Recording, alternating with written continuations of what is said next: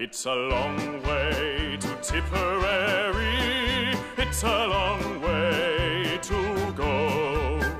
It's a long way to Tipperary to the sweetest girl I know. Goodbye. Je hoorde een stukje van It's a Long Way to Tipperary. Misschien wel het bekendste liedje uit de Eerste Wereldoorlog, maar zeker niet het enige. Voor, tijdens en na de oorlog zijn er veel liederen geschreven, gezongen en uitgevoerd. Mijn naam is Hanna Baks en in deze podcast duik ik in de muziek van de Eerste Wereldoorlog. Dit doe ik niet alleen, maar met verschillende kenners en natuurlijk met de nodige muzikale intermezzo's. Ik ben historicus bij Goeie Oude Koeien en maak deze aflevering in opdracht van de Western Front Association Nederland. Als historicus beheers ik de nodige kennis over de Eerste Wereldoorlog, maar om eerlijk te zijn was de wereld van de muziek uit deze tijd voor mij nog behoorlijk onbekend. En dat terwijl de muziek dichterbij is dan ik dacht. Vroeger zong mijn moeder mij in slaap op de melodie van Lily Marleen. Een bekend liedje uit de Tweede Wereldoorlog dat zowel onder de geallieerden als de Duitsers zeer populair was. Outside the barracks, by the corner lights, I'll always stand and wait for you at night. We will create a world for two. I'll wait for you the whole night through. For you. We hoorden net de cover van Marlene Dietrich. Tijdens een gesprek met mijn eerste gast ben ik erachter gekomen dat het liedje eigenlijk zijn oorsprong vindt in de Eerste Wereldoorlog.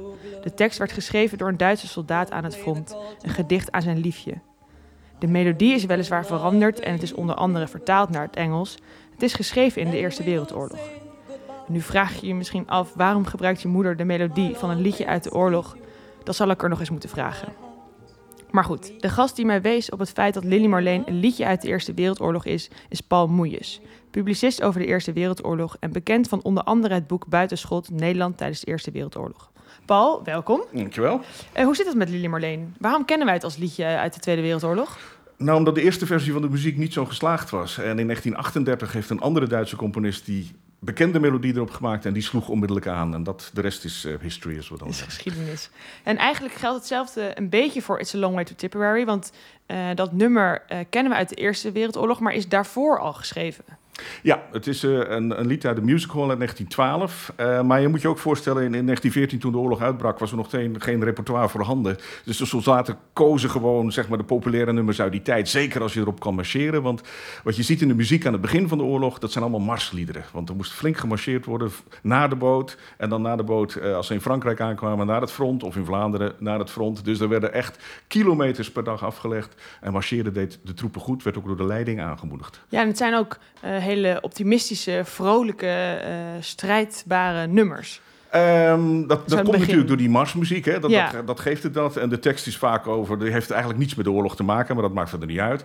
Uh, het, het, het, het, weerspiegelt echt die optimistische stemming, het, het oorlogsenthousiasme. Dat idee van we gaan naar een klus klaren en het wordt een, een groot avontuur. Ja, want je hebt een, een aantal nummers meegenomen, uh, eigenlijk uh, uit elk oorlogsjaar één. Um, kunnen we het verloop van de oorlog een beetje terug horen in de muziek? Oh, absoluut. Zeker in de selectie die ik gemaakt heb. Maar ik ben niet eens enorm manipulatief geweest.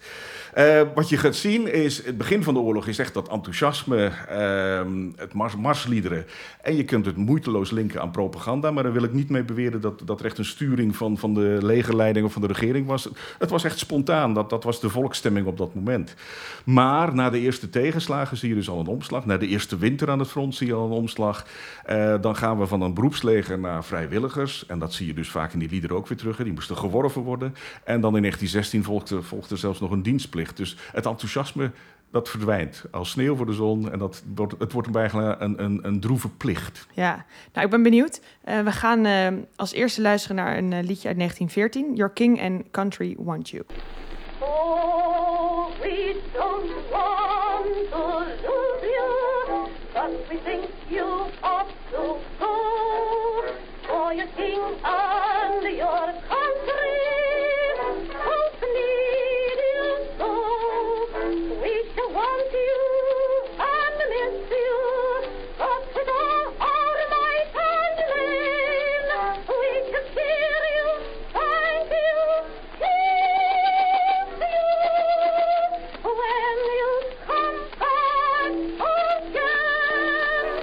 Is het met opzet gezongen door een vrouw? Absoluut. Ja, dit is natuurlijk eh de manier om eh, mannen tot iets te bewegen. En zeker als ze worden aangesproken op het mannelijke ego, de moed. En als dan een vrouw, hè, het, het hele idee was, je moet je kinderen, je, je, je, de vrouwen en het land beschermen tegen. Nou ja, dat was het beste gedaan door een vrouw natuurlijk. Dus de mannen gingen na het horen van dit. Ja, wat er later gebeurt, ook nog 1914, 15, dat kan je hier aan koppelen, is de, de, ehm, de White Flower Campaign. Dus dan als mannen op dat moment nog in burgerpak door Londen liepen, kregen ze een witte eh, bloem uitgereikt. En dat was eigenlijk een symbool van laf, lafheid. Ja, je moest je schamen als man. Ja, en dat waren jonge kreeg. vrouwen die dat deden. Dus nou, als, als er dan nog iets overbleef van het mannelijke ego, dan was het toch eh, een prestatie bijna. Ja, maar dus eigenlijk zijn die, werd die muziek gebruikt een beetje ook om eh, mannen over te halen. Je kan zeggen, het is pure propaganda. Propaganda doet meteen vermoeden dat er een soort overheidssturing achter zit. Dat was het niet. Dat was deels ook gewoon enthousiasme. Eh, er was een enorm nationalisme, een patriotisme. Dus dat, dat kon makkelijk gekoppeld worden aan, de- aan die propaganda. Ja, dus die overtuiging, eh, dat komt ook echt vanuit het volk. Ja, en dat was ook Iedereen het idee voor veel van die jongens dat het was ook avontuur. Je moet je voorstellen, in 1914, het gros van de jongens was nog nooit Engeland uit geweest. Vaak hun eigen graafschap nog niet eens uit geweest. En nu wachtte een soort eh, gesponsord avontuur waarin ze eh, op de boot werden gezet. Dus rom- romantiek, heroïek en spanning. Wat Ja. wil je nog meer? Ja, ik vond dat ook wel heel erg terugkomen in een ander nummer wat je hebt meegenomen uit 1915. Pack up your troubles in your old kid bag.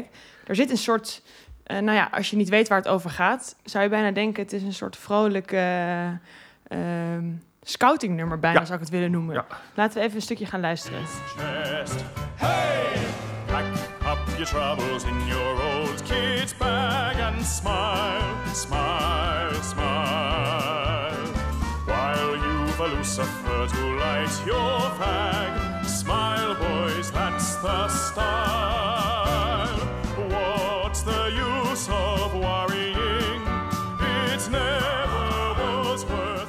Ja, ik denk nou, gezellig. eh, we gaan met z'n allen... Ja, dat is vooral de muziek. Als Ja. je naar de tekst luistert, dan kan je zeggen... er is al een omslag in aantocht. Hè? Dat eerste stuk wat je draaide, dat was echt... Je, je, je, de koning en het land hebben je nodig. En hier zit al een, een, een zin in... eh, what's the use of worrying? Ja, met andere woorden van... het heeft geen zin om je druk te maken. Maar ja, dat is al een stuk minder enthousiast natuurlijk. Het krijgt iets pragmatischer... in plaats van dat het echt zo patriotistisch is. Maar waarom kiezen ze dan wel voor die, eh, ja, toch wel de vrolijke uptempo muziek? Is dat nog steeds dat marcheren of Ik om denk het te wel. Het, het- is natuurlijk geschreven in Engeland. Het is geschreven voor de soldaten. Dus kijk, je krijgt een enorme scheiding tussen wat je het homefront noemt en, en wat je het, eh, eh, het leger zelf. Dus het thuisfront weet nauwelijks wat er gebeurt in Frankrijk en in Vla- in Vlaanderen. En dat wordt eigenlijk de kloof die in de loop van de oorlog steeds groter wordt. En dan krijg je op een gegeven moment de liederen die de soldaten zelf gaan maken. In plaats van dat ze gemaakt worden door componisten, door artiesten die in de music hall werkten. En die werden gemaakt voor het thuisfront. Ja, maar die muziek die werd gemaakt en geschreven aan het front, ehm, hoe verschilt die dan van wat we hier horen? Nou, hij verschilt doordat er een totale omslag in de stemming komt. De muziek eh, is vaak nog wel bestaand, maar dan lenen ze een melodie. En dan wordt de vrevel, ergernis en af en toe ook toch wel de kritiek van eh, de soldaten wordt merkbaar. Eh, en dan krijg je dus toch wel... De, er is, er een die, die me nu te binnen schiet is op de melodie van Old Lang Syne. Dat zingen de Engelsen en de Schotten altijd bij Oudjaar. En eh, de hele tekst bestaat uit we're here. We're here because we're here, because we're here, because we're here. En zo gaat het alleen maar door. En dan kan je zeggen van nou, dat is iemand die niet erg begaafd was als tekstschrijver. Maar je kan er ook bijna iets modernistisch in zien van... Wat doen we hier eigenlijk? Niemand weet nog waarom we hier zijn, maar we zijn hier omdat we hier nou eenmaal zijn. Ja, het uitzichtloze. Ja, met andere woorden, het is geen oorlog meer. Het is geen goede oorlog meer in de zin van we vechten voor een goede zaak enzovoort. Maar we gaan gewoon maar door omdat we nou toch helemaal begonnen zijn. Ja. En hoe werd die muziek dan gemaakt aan het front? Of eigenlijk vlak daarachter Het waarschijnlijk? was allemaal vocaal, het was allemaal, eh, er werd gezongen. En je moet je voorstellen, eh, als ze in de loopgraven zaten, dan zaten ze daar vaak weken, maanden. Ehm, en wij kennen dus alleen uit films enzovoort dat er voortdurend gevochten, geknokt en geschoten wordt. Er gingen ook af en toe aan sommige sectoren van het front weken voorbij dat er niets gebeurde. Dus eh, een minstens zo grote vijand voor veel soldaten was de verveling. Ja, Nou, dan kan je je voorstellen dat er af en toe wat gezongen werd. Zeker als, eh, eh, achter het front staat. Nou, in de voorste linie wordt natuurlijk niet zo aanbevolen, Nee. want dat was een beetje een weggevertje voor de vijand. Maar zelfs daar gebeurde het wel. Ja, en die omslag in de muziek. Ik kan me zo voorstellen dat die aan het front eerder kwam dan thuis. Want je zegt ook het thuisfront wist eigenlijk een stuk minder wat er eigenlijk gebeurde. Eh, uiteindelijk komt die omslag er wel. Ja, hoewel je kan afvragen of hij helemaal aan het thuisfront komt. Maar hij komt zeker aan het front. En Ja. je kan zeggen dat hij eigenlijk al in de eerste winter komt. De winter van 1914-15. Die was bijzonder streng. Je moet je voorstellen, je zit daar in een loopgraaf. Eh, en er wordt enorm eh, geleden. Niet alleen door de beschieting enzovoort, maar door de kou. En Ja. het was een hele natte winter. En moet je voorstellen, je zit je in een loopgraaf tot je knieën in het water. Je krijgt nooit een droge kleding enzovoort. Dus dat heeft de stemming wel flink beïnvloed. Ja, maar je hebt een nummer ook meegenomen, eh, Roses in Picardy. En daarin komt wel al de, ja, de, toch de zwaarmoedigheid wat meer. Nou, de Eh, sentiment, sentimentele eigenlijk. Dat zijn de soldaten ja. die teruggaan van verlof. En eh, dit was dan een lied dat werd de hit in de music hall. En er zijn wel, eh, eh, ik, heb- ik ben een dagboekfragment tegengekomen dat, dat een soldaat dat beschrijft dat hij daarnaar luisterde. En hij zag om zich heen dat de tranen over de wangen eh biggelden. Dus dat was zo sentimenteel, dat werd echt uitgemolken, zeg maar. Ja, laten we gaan luisteren. Roses are shining in Picardy, in the hush of the silver dew. Roses are flowering in Picardy, but there's never a rose like you.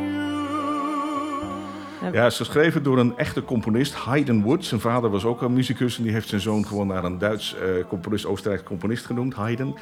Eh, en je kan dan zien in die tijd, eh, wij hebben nu de CD enzovoort, maar toen was de bladmuziek was het verkoop-element.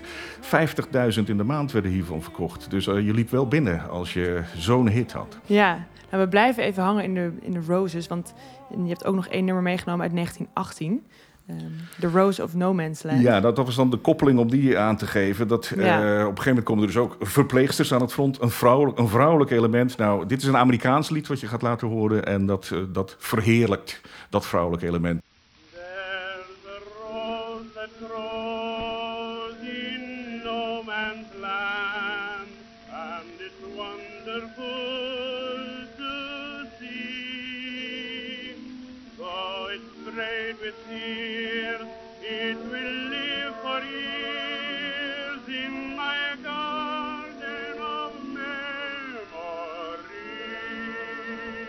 Ja, we hebben nu geluisterd naar de, de Engelse muziek en, en de Amerikanen die natuurlijk ook in 1917 ehm, zich aansluiten.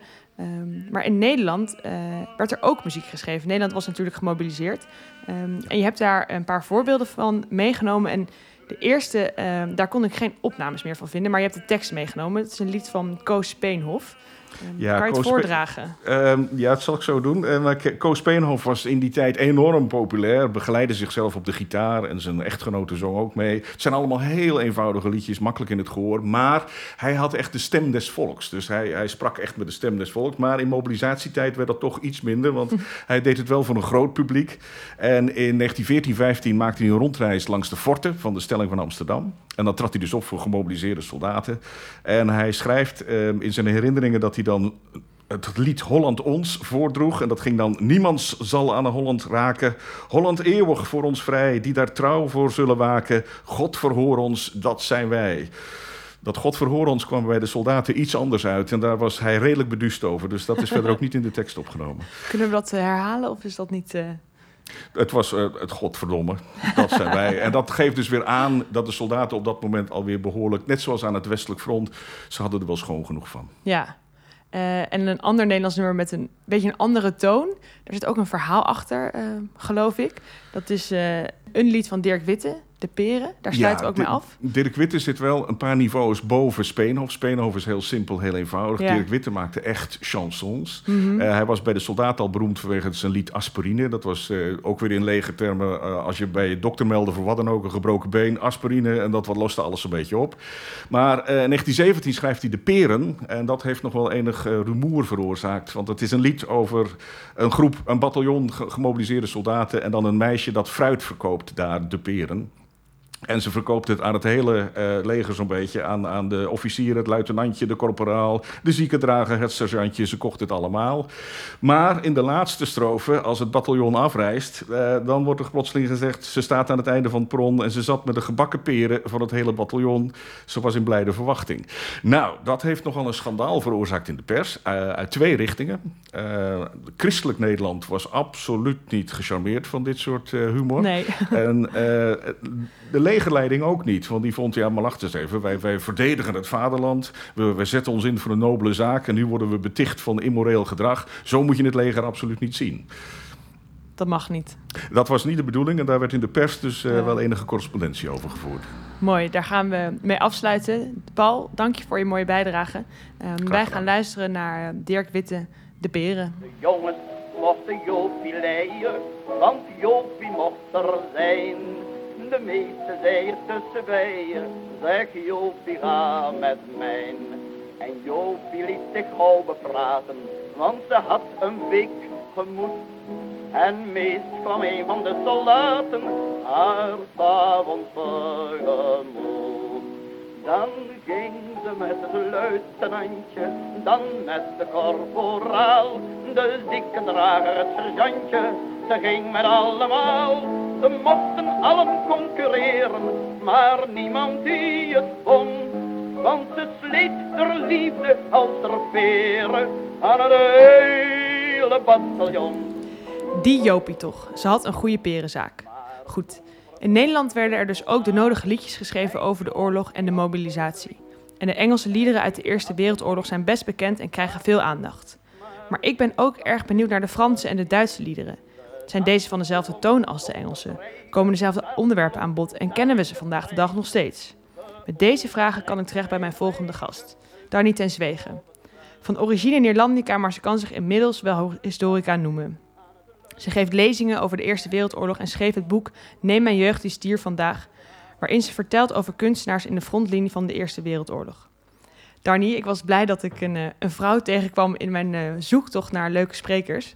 Wat doe jij in dit mannenbolwerk? Waar komt jouw interesse voor de Eerste Wereldoorlog vandaan? Eh, ja, dat is een hele goede vraag. Dat vroeg, ik ben ook jarenlang niet lid geweest, bijvoorbeeld van de Western Front Association, omdat ik dacht dat is echt een mannenwereld. Eh, daar hoor ik niet. Dat past niet. Maar mijn insteek in die Eerste Wereldoorlog is toch wel eigenlijk de literatuur geweest. Je had de schrijver Alain Fournier. En toen had ik nog helemaal geen interesse in de Eerste Wereldoorlog. Ja, Eh, en hij sneuvelde al in de tweede oorlogsmaand in 1914. Dus op een gegeven moment ga je ook eens een keer dat graf bezoeken. Ik was ook al in zijn geboorteplaats hij, geweest. Hij heeft maar één roman geschreven, hè, Le Grand Monde.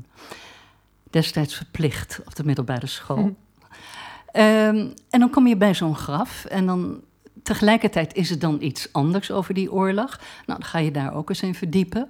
Toen ben ik een keer naar Yper geweest. En toen begon ik mij af te vragen, daar was op dat moment kermis. En toen dacht ik, het leven herneemt altijd zijn rechten. Maar je gaat je wel afvragen van hoe overleven mensen zo'n oorlog, als ze Ja. dus overleven. Eh, hoe moet het zijn geweest om terug te komen naar Yper, dat helemaal verwoest was? Hoe ga je om met rouw, met verdriet, met verwoesting? Je hebt geen huis meer, je hebt niks meer. Je man is misschien dood, je dochter verkracht, nou noem maar op. Een en al ellende. Hoe, waar brengen mensen die veerkracht eh, van op? En dan kom je op een gegeven moment toch ook bij kunstenaars terecht. Die hebben eigenlijk als, als niemand anders verbeeld hoe rouw eruit ziet. Hoe je eh, dat. Om, ja, ze hebben dat verwoord in, in beeld, in geluid, in woorden. En daar is eigenlijk, toen ben ik me wel steeds eh, verder gaan verdiepen in, in die oorlog.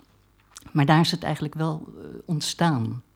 En op het laatst, je gaat steeds verder en op het laatst wil je ook weten van hoe was nou die veldslag? Waar lagen nou die Duitsers en waar lagen nou die Fransen en hoe, hoe zag dat eruit? Maar dat is niet mijn sterkste kant, moet ik zeggen. Ja, volgens mij is het zo dat de Eerste Wereldoorlog mensen echt kan aangrijpen. En ze vervolgens kunnen ze het eigenlijk niet meer loslaten. En dat is volgens mij bij jou ook een beetje... ja, gebeurt. al- ja, alhoewel ik moet zeggen, na eh, het schrijven van dit boek ben ik op een gegeven moment even hele andere dingen gaan doen. Ben ik op het ogenblik ook met een heel ander onderwerp bezig. Nou, we blijven in deze podcast eh, Ja, bij de Eerste Wereldoorlog. Ja. Ehm, je hebt drie liedjes meegenomen. Een eh, Duits, Engels en Ja. Frans liedje. Daar gaan Ja. we zeker naar luisteren. Maar ik ben allereerst eigenlijk wel benieuwd... eh, wat voor rol speelde muziek in de Eerste Wereldoorlog? Wat ik denk heel, heel belangrijk. Eh, je hebt natuurlijk al in de eh 16e eeuw eh, is, is de marsmuziek ontstaan. 18e en 19e eeuw is heel veel marsmuziek geschreven.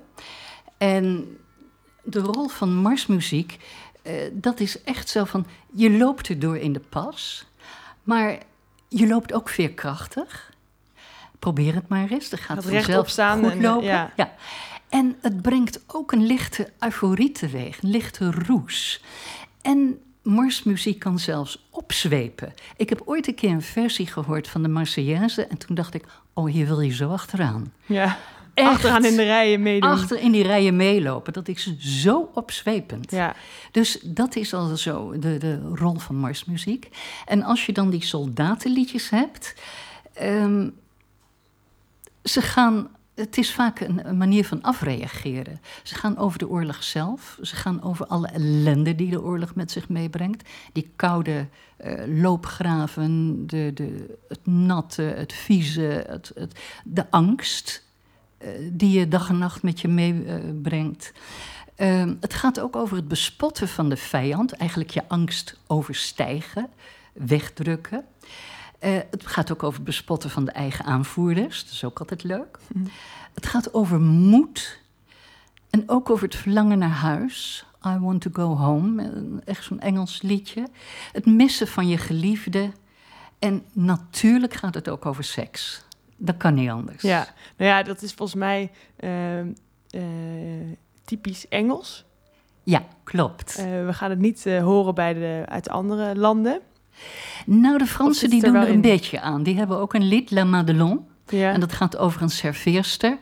En eh, dan is er iemand, en, nou, het is een langer lied, maar het gaat over iemand die wil met haar trouwen. En dan zegt ze, waarom zou ik dat doen? Ik heb toch eigenlijk al het hele bataljon? ja. Ze, heeft Dus- al, ze, heeft al, ze heeft al genoeg. Ja, precies. Dat, eh, Fransen konden ook, maar Duitsers, ik ben het niet tegengekomen. Nee. Ik heb het wel eens gevraagd eh, tijdens mijn lezingen. Help mij alsjeblieft aan seksliedjes, aan vieze liedjes uit het Duitse repertoire. Die zijn er gewoon niet, eh, die zijn niet te vinden. Ik kan ze niet vinden. En kan je het eh, verklaren? Heb je een idee hoe het zou kunnen komen? Nou, er was ooit zo'n autoreclame op de, op de televisie over een auto die goedkoop zou zijn. En dan wordt er aan het eind gezegd, zei iemand, ah, dat kan niet. Je maakt een grapje. Waarop dan zo'n mannenstem zegt, Duitsers maken geen grappen. Dus Dus ja, nu maak ik natuurlijk reclame voor. Nou ja, nee, je hebt, je hebt het merk niet genoemd. Het is eh, heel keurig heb je dit gedaan. Dus eigenlijk kortom, de Duitsers hebben eh, geen humor. Dat is eigenlijk een Je beetje eh, wat in die reclame wordt gezegd. het Ja. gaat veel over ehm, eenzaamheid, over saamhorigheid, dat ook wel. Ze zijn wat weemoedig. Ja. Eh, of ze zijn zo heel martiaal, soms bijna agressief. Eh, om Engeland, eh, Ernst Liesauer is zo iemand. eh Wir varen gegen Engeland. En dat is Engelandlied. Dat is echt, wij gaan Engeland vernietigen. Ja. Toen al, in 1914. Ja. Nou, we gaan even naar een Duits lied luisteren. Eh Agoner Waldlied. Misschien kan ik erbij vertellen dat die eerste twee coupletten... die zijn ontstaan ook in de Argonne. 1914 wordt er ontzettend gevochten tussen de Fransen en de, de Duitsers. En ik was in dat gebied en had deze muziek bij me. En dan zegt het je wel iets meer. Dan kun je ook wat beter... Het is ook weer zo'n ondersteunend lied. Van, Ja, We gaan er tegenaan. laten we gaan luisteren.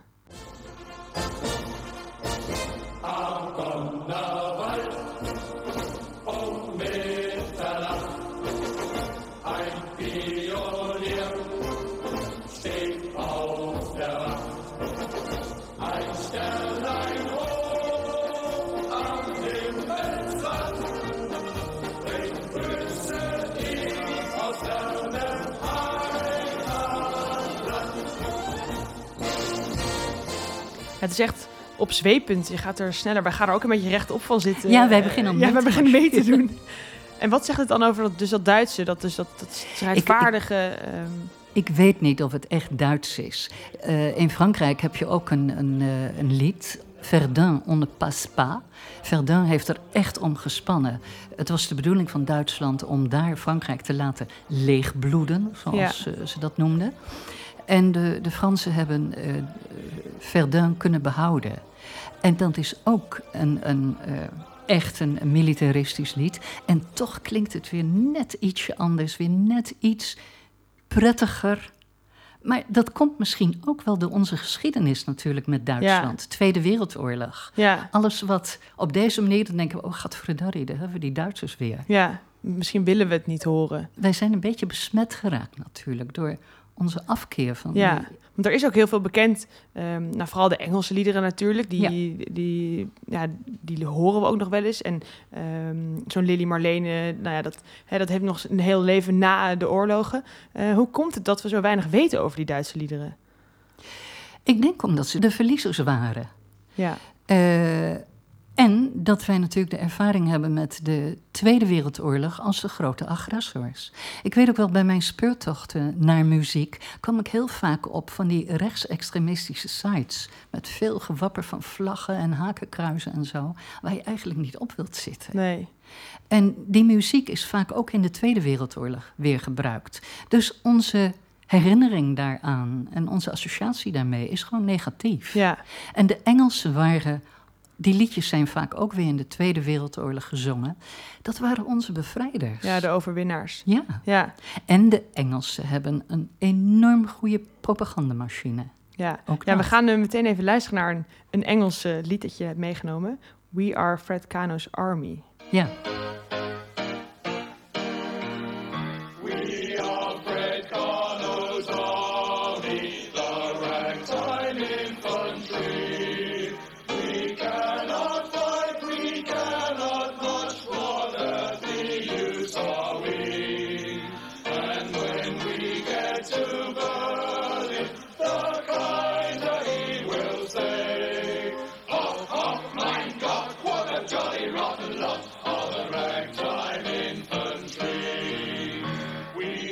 wat mij meteen opvalt, het is eh, veel vrolijker en eh, opgewekter. En eh, ja, wat je al zei, het is wat sarcastischer.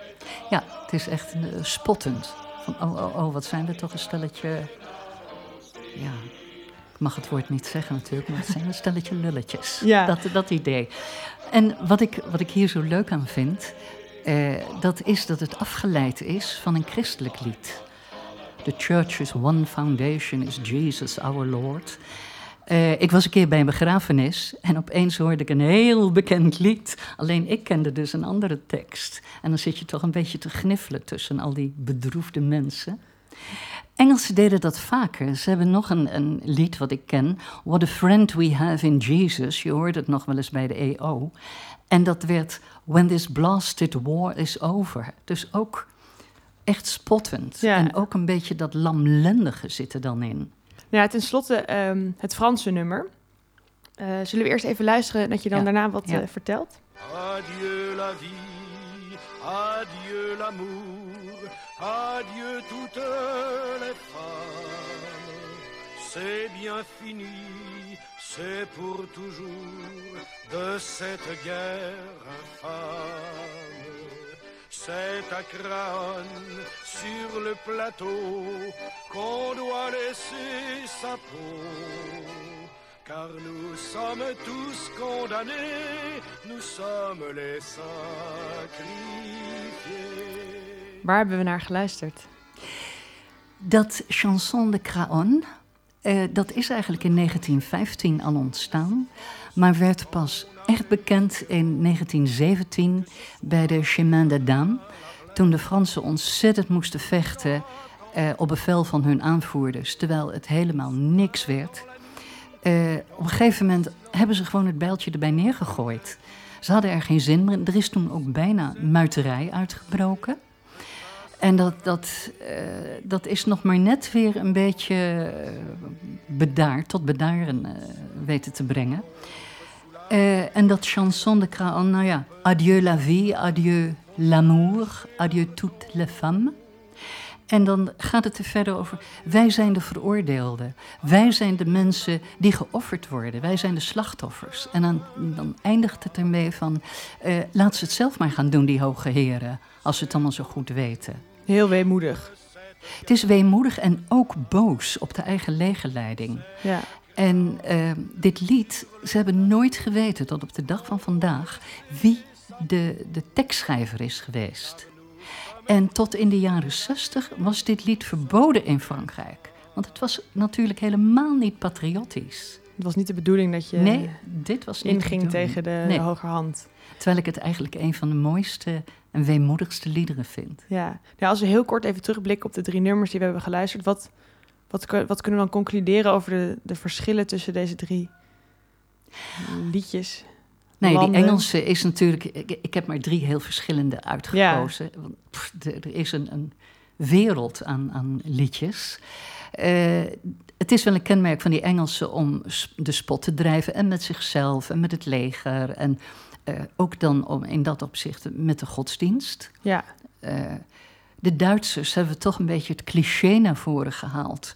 Van ja, hele militaristische jongens. Terwijl ze ook wel heel. Er is een, een, een ander lied. ehm Ik had einen kameraden.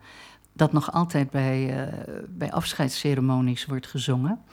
Eh, dat is heel weemoedig en heel treurig. ja en Lily Marleen is natuurlijk een Duitse Maar liefdesliedje. Lily Marleen is pas in de Tweede Wereldoorlog bekend geworden. Ja, klopt, maar het is, Het is in geschreven 1915 in de ja, is het dus de- eh, de Duitsers hebben wel geschreven door een eh, Frans La, of, eh, Leip, heette die Frans? Ben ik even Hans, kwijt. Hans heet het. Hans, ja. Ja. Hans Leip.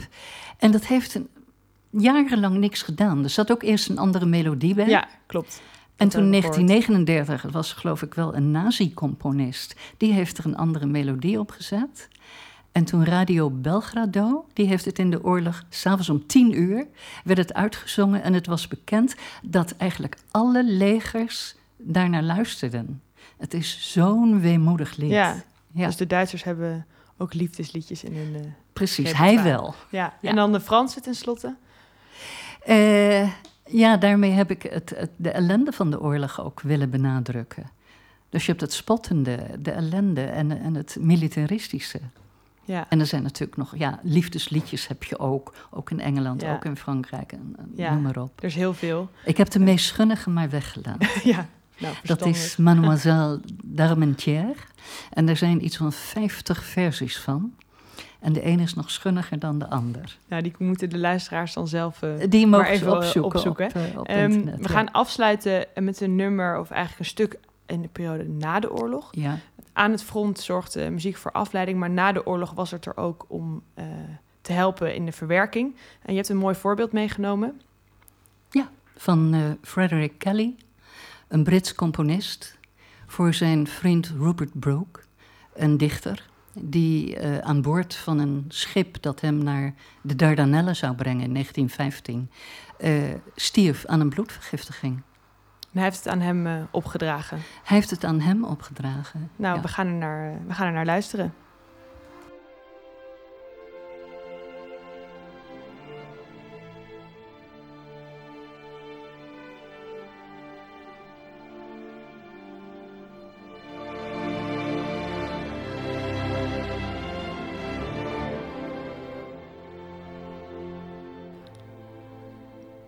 Danny, dankjewel voor je bijdrage. Ik ben alweer toe aan mijn laatste gast. Ik heb hem uitgenodigd omdat ik het altijd leuk vind om op zoek te gaan naar een link met het heden. En naar creatieve manieren om met geschiedenis om te gaan. Ik denk dat muziek een bijzondere manier is om een geschiedenis te vertellen. En dat is precies wat de gebroeders Bin vier jaar geleden hebben gedaan. Het was zo'n 100 jaar geleden dat de Eerste Wereldoorlog uitbrak. En in het kader daarvan hebben de gebroeders Bin een album uitgebracht, Brieven, met muziek over de oorlog. Sjoerd, hallo, leuk dat je er bent. Hallo, dankjewel. Leuk om er te zijn. Hoe zijn jullie eigenlijk op het idee gekomen om dit album te gaan maken? Nou ja, het is eigenlijk een beetje natuurlijk ontstaan. eh, want een vriend van mij is ehm, geschiedenisleraar en weet heel veel over de Eerste Wereldoorlog. En hij bracht toen de tijd eh, mensen mee naar het front bij Yper. En ik ben toen ook eh, meegegaan met een groep vrienden met hem. En heeft hij ons een beetje rond de frontlinie bij Yper eh, ja, heeft hij ons rondgeleid eigenlijk en verhalen verteld. En hij wist altijd goed om wat meer verborgen verhalen eh, te vertellen dan de, de geëikte verhalen. En ja, het landschap bij Ieper eh, heeft iets mystieks en eh, iets inspirerends. En de verhalen natuurlijk ook. Er zit ja, ook letterlijk, maar ook figuurlijk zoveel geschiedenis in de grond. Ehm, ik kon niet anders dan daar een liedje over schrijven eigenlijk. En we zijn toen nog een tweede keer meegegaan. En nou, toen kwam er weer een verhaal voor, voor een liedje. En zo is eigenlijk langzaam het idee ontstaan om er gewoon een heel album over te schrijven. Ook met het oog op eh, 2014, dus dat het 100 jaar geleden zou zijn dat eh, eh, de oorlog was begonnen. Jullie werden gegrepen door de verhalen over de Eerste Wereldoorlog. Ja. Maar wisten jullie eigenlijk al veel van die oorlog? Kenden jullie de oorlog al? Of moesten jullie echt nog op onderzoek gaan? Ik moest echt wel op onderzoek eh, uitgaan. Ja, ik kende eigenlijk niet zo heel veel eh, ervan. Ehm, maar eh, mijn vriend Robert-Jan Poortvliet, die was zo enthousiast over het idee dat hij echt heel veel heeft meegeholpen en veel bronnen heeft aangeleverd. En, dus dat ging redelijk goed eigenlijk, ja. Want was je ook, je, je noemde net al de verborgen verhalen. Was je ook heel erg op zoek naar juist naar die verhalen om die te vertellen in de liedjes? Nou, niet, niet per se, ehm, maar wel naar hele persoonlijke verhalen. Eh, daarom heet het album ook Brieven, Eh, omdat het, ja, eh, de verhalen die de mensen hebben achtergelaten zijn eigenlijk een soort brieven voor de mensen die erna zijn gekomen. om te vertellen over die oorlog en hoe verschrikkelijk die was. Maar dat lijkt me het ook wel weer lastig maken, want je zegt ook dat zijn persoonlijke verhalen. Eh, ik kan me voorstellen dat je normaal als muzikant eh, liedjes schrijft over misschien je eigen persoonlijke ervaringen, maar dat kon in dit geval niet. Hoe schrijf je dan het liedje, een liedje over de ervaringen van een ander uit zo'n eh, donkere periode? Ja, ehm, ja, het is eigenlijk een soort vermenging van je eigen gevoel bij die plek. Ehm, of in mijn geval dan in ieder geval. Hè? Dus eh, je hebt een soort historisch verhaal. Maar eh, ik heb wat dag- dagboeken gelezen, dus het, zijn ook, het gaat ook over ervaringen eh, die mensen hebben gehad. En ik ben zelf wel op die plekken geweest, dus je krijgt daar, eh, als je op die plek bent, met die verhalen ook gewoon zelf een soort gevoel bij. Ehm, en sommige plekken zijn nog zo levend dat je ook, ja, je kan je bijna in die oorlog wanen. Dus je kunt er best wel dichtbij komen, vind ik. Ja, en waren het ook leeftijdsgenoten van je? De brieven die je hebt gelezen of de dagboeken die je hebt gelezen? Ja, nou, ik denk dat ze eigenlijk dat veel nog zelfs eh, jonger waren dan ik. Ehm, want het is nu zeg maar zes jaar geleden ongeveer. Ik ben al best wel oud, 33, dus ik was ze- eh, 27. Eh, maar veel ervan zijn, denk ik, begin 20 geweest. van de verhalen die, hè, waar we de liedjes over hebben geschreven. Ja. Ja. Nou, je wil eigenlijk twee nummers laten horen. Ja. Zullen we eerst even naar het eerste nummer luisteren voordat we het erover gaan hebben? ja, dat is goed. Leidekker met zijn vrouw en kind, in Zierikzee geacht bemind, viel daar pardoes een boom in huis, en doodde met een hels gedruis.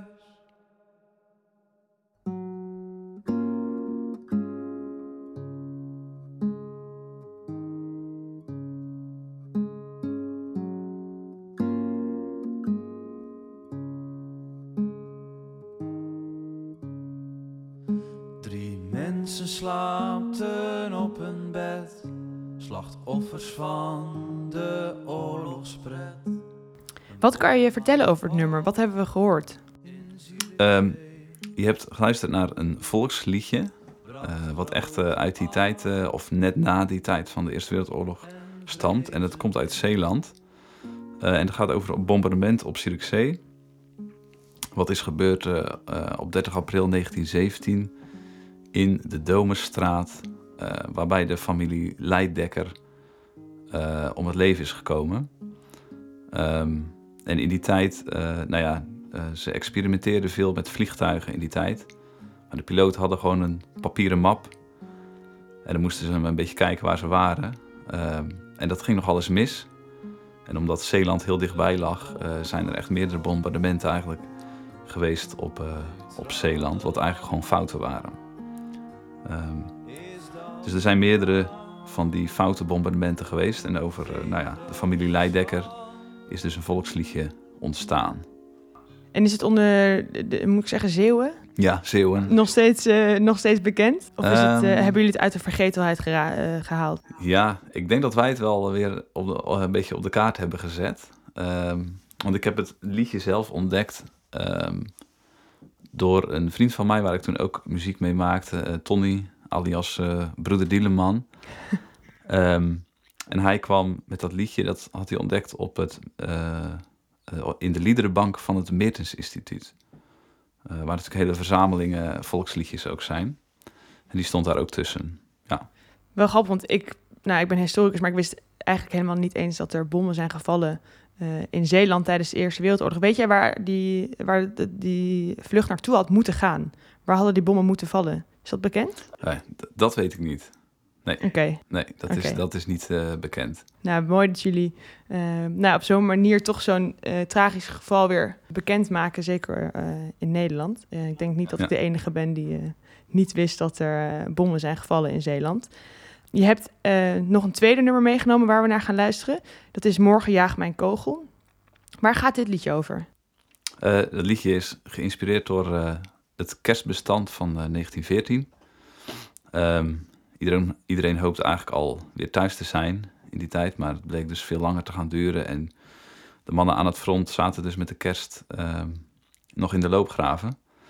Ehm, maar op eerste kerst werd er niet gevochten, dus alles was stil. Eh, in plaats daarvan eh, ja, werd er een beetje kerst gevierd. En omdat eh, de loopgraven zo dicht op elkaar lagen, konden ze elkaar, de vijanden konden elkaar horen zingen.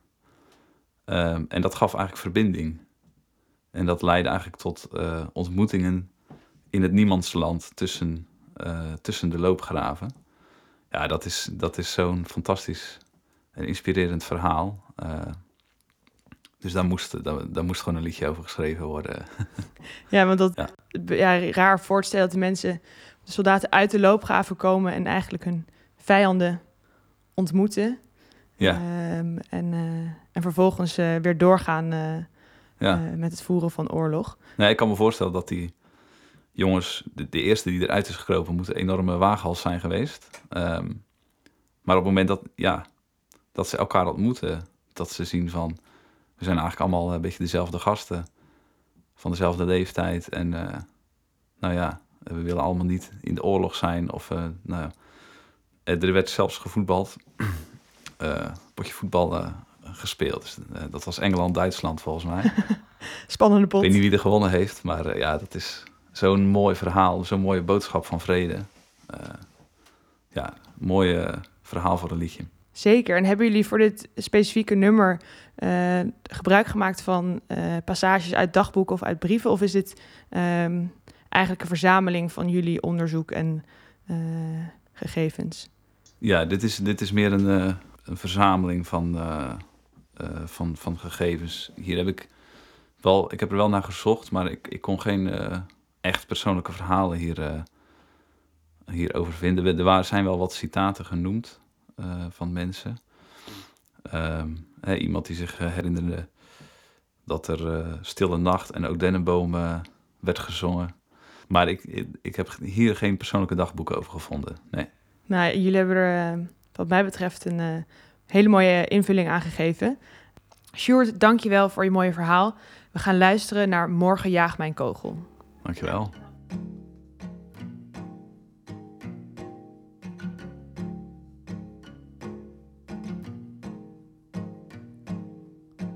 Waar nu het koren staat, wiegend in de wind, werd ooit eentje vijand,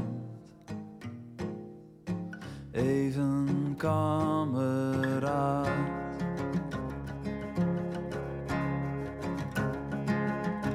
Toen de liefde werd geboren, werd er even vrede gezaaid. Kom maar uit je loopgraaf. Kunt de stilte nu horen. Dankjewel voor het luisteren. Krijg je geen genoeg van muziek uit de Eerste Wereldoorlog? Dan heb ik een mooie afspeellijst voor je. Als je naar Spotify gaat en zoekt op Goeie Oude Koeien, vind je de lijst Eerste Wereldoorlog. Daar vind je alle nummers die in deze aflevering aan bod zijn gekomen en nog meer. Hier genieten we nog even verder van de gebroeders Bin.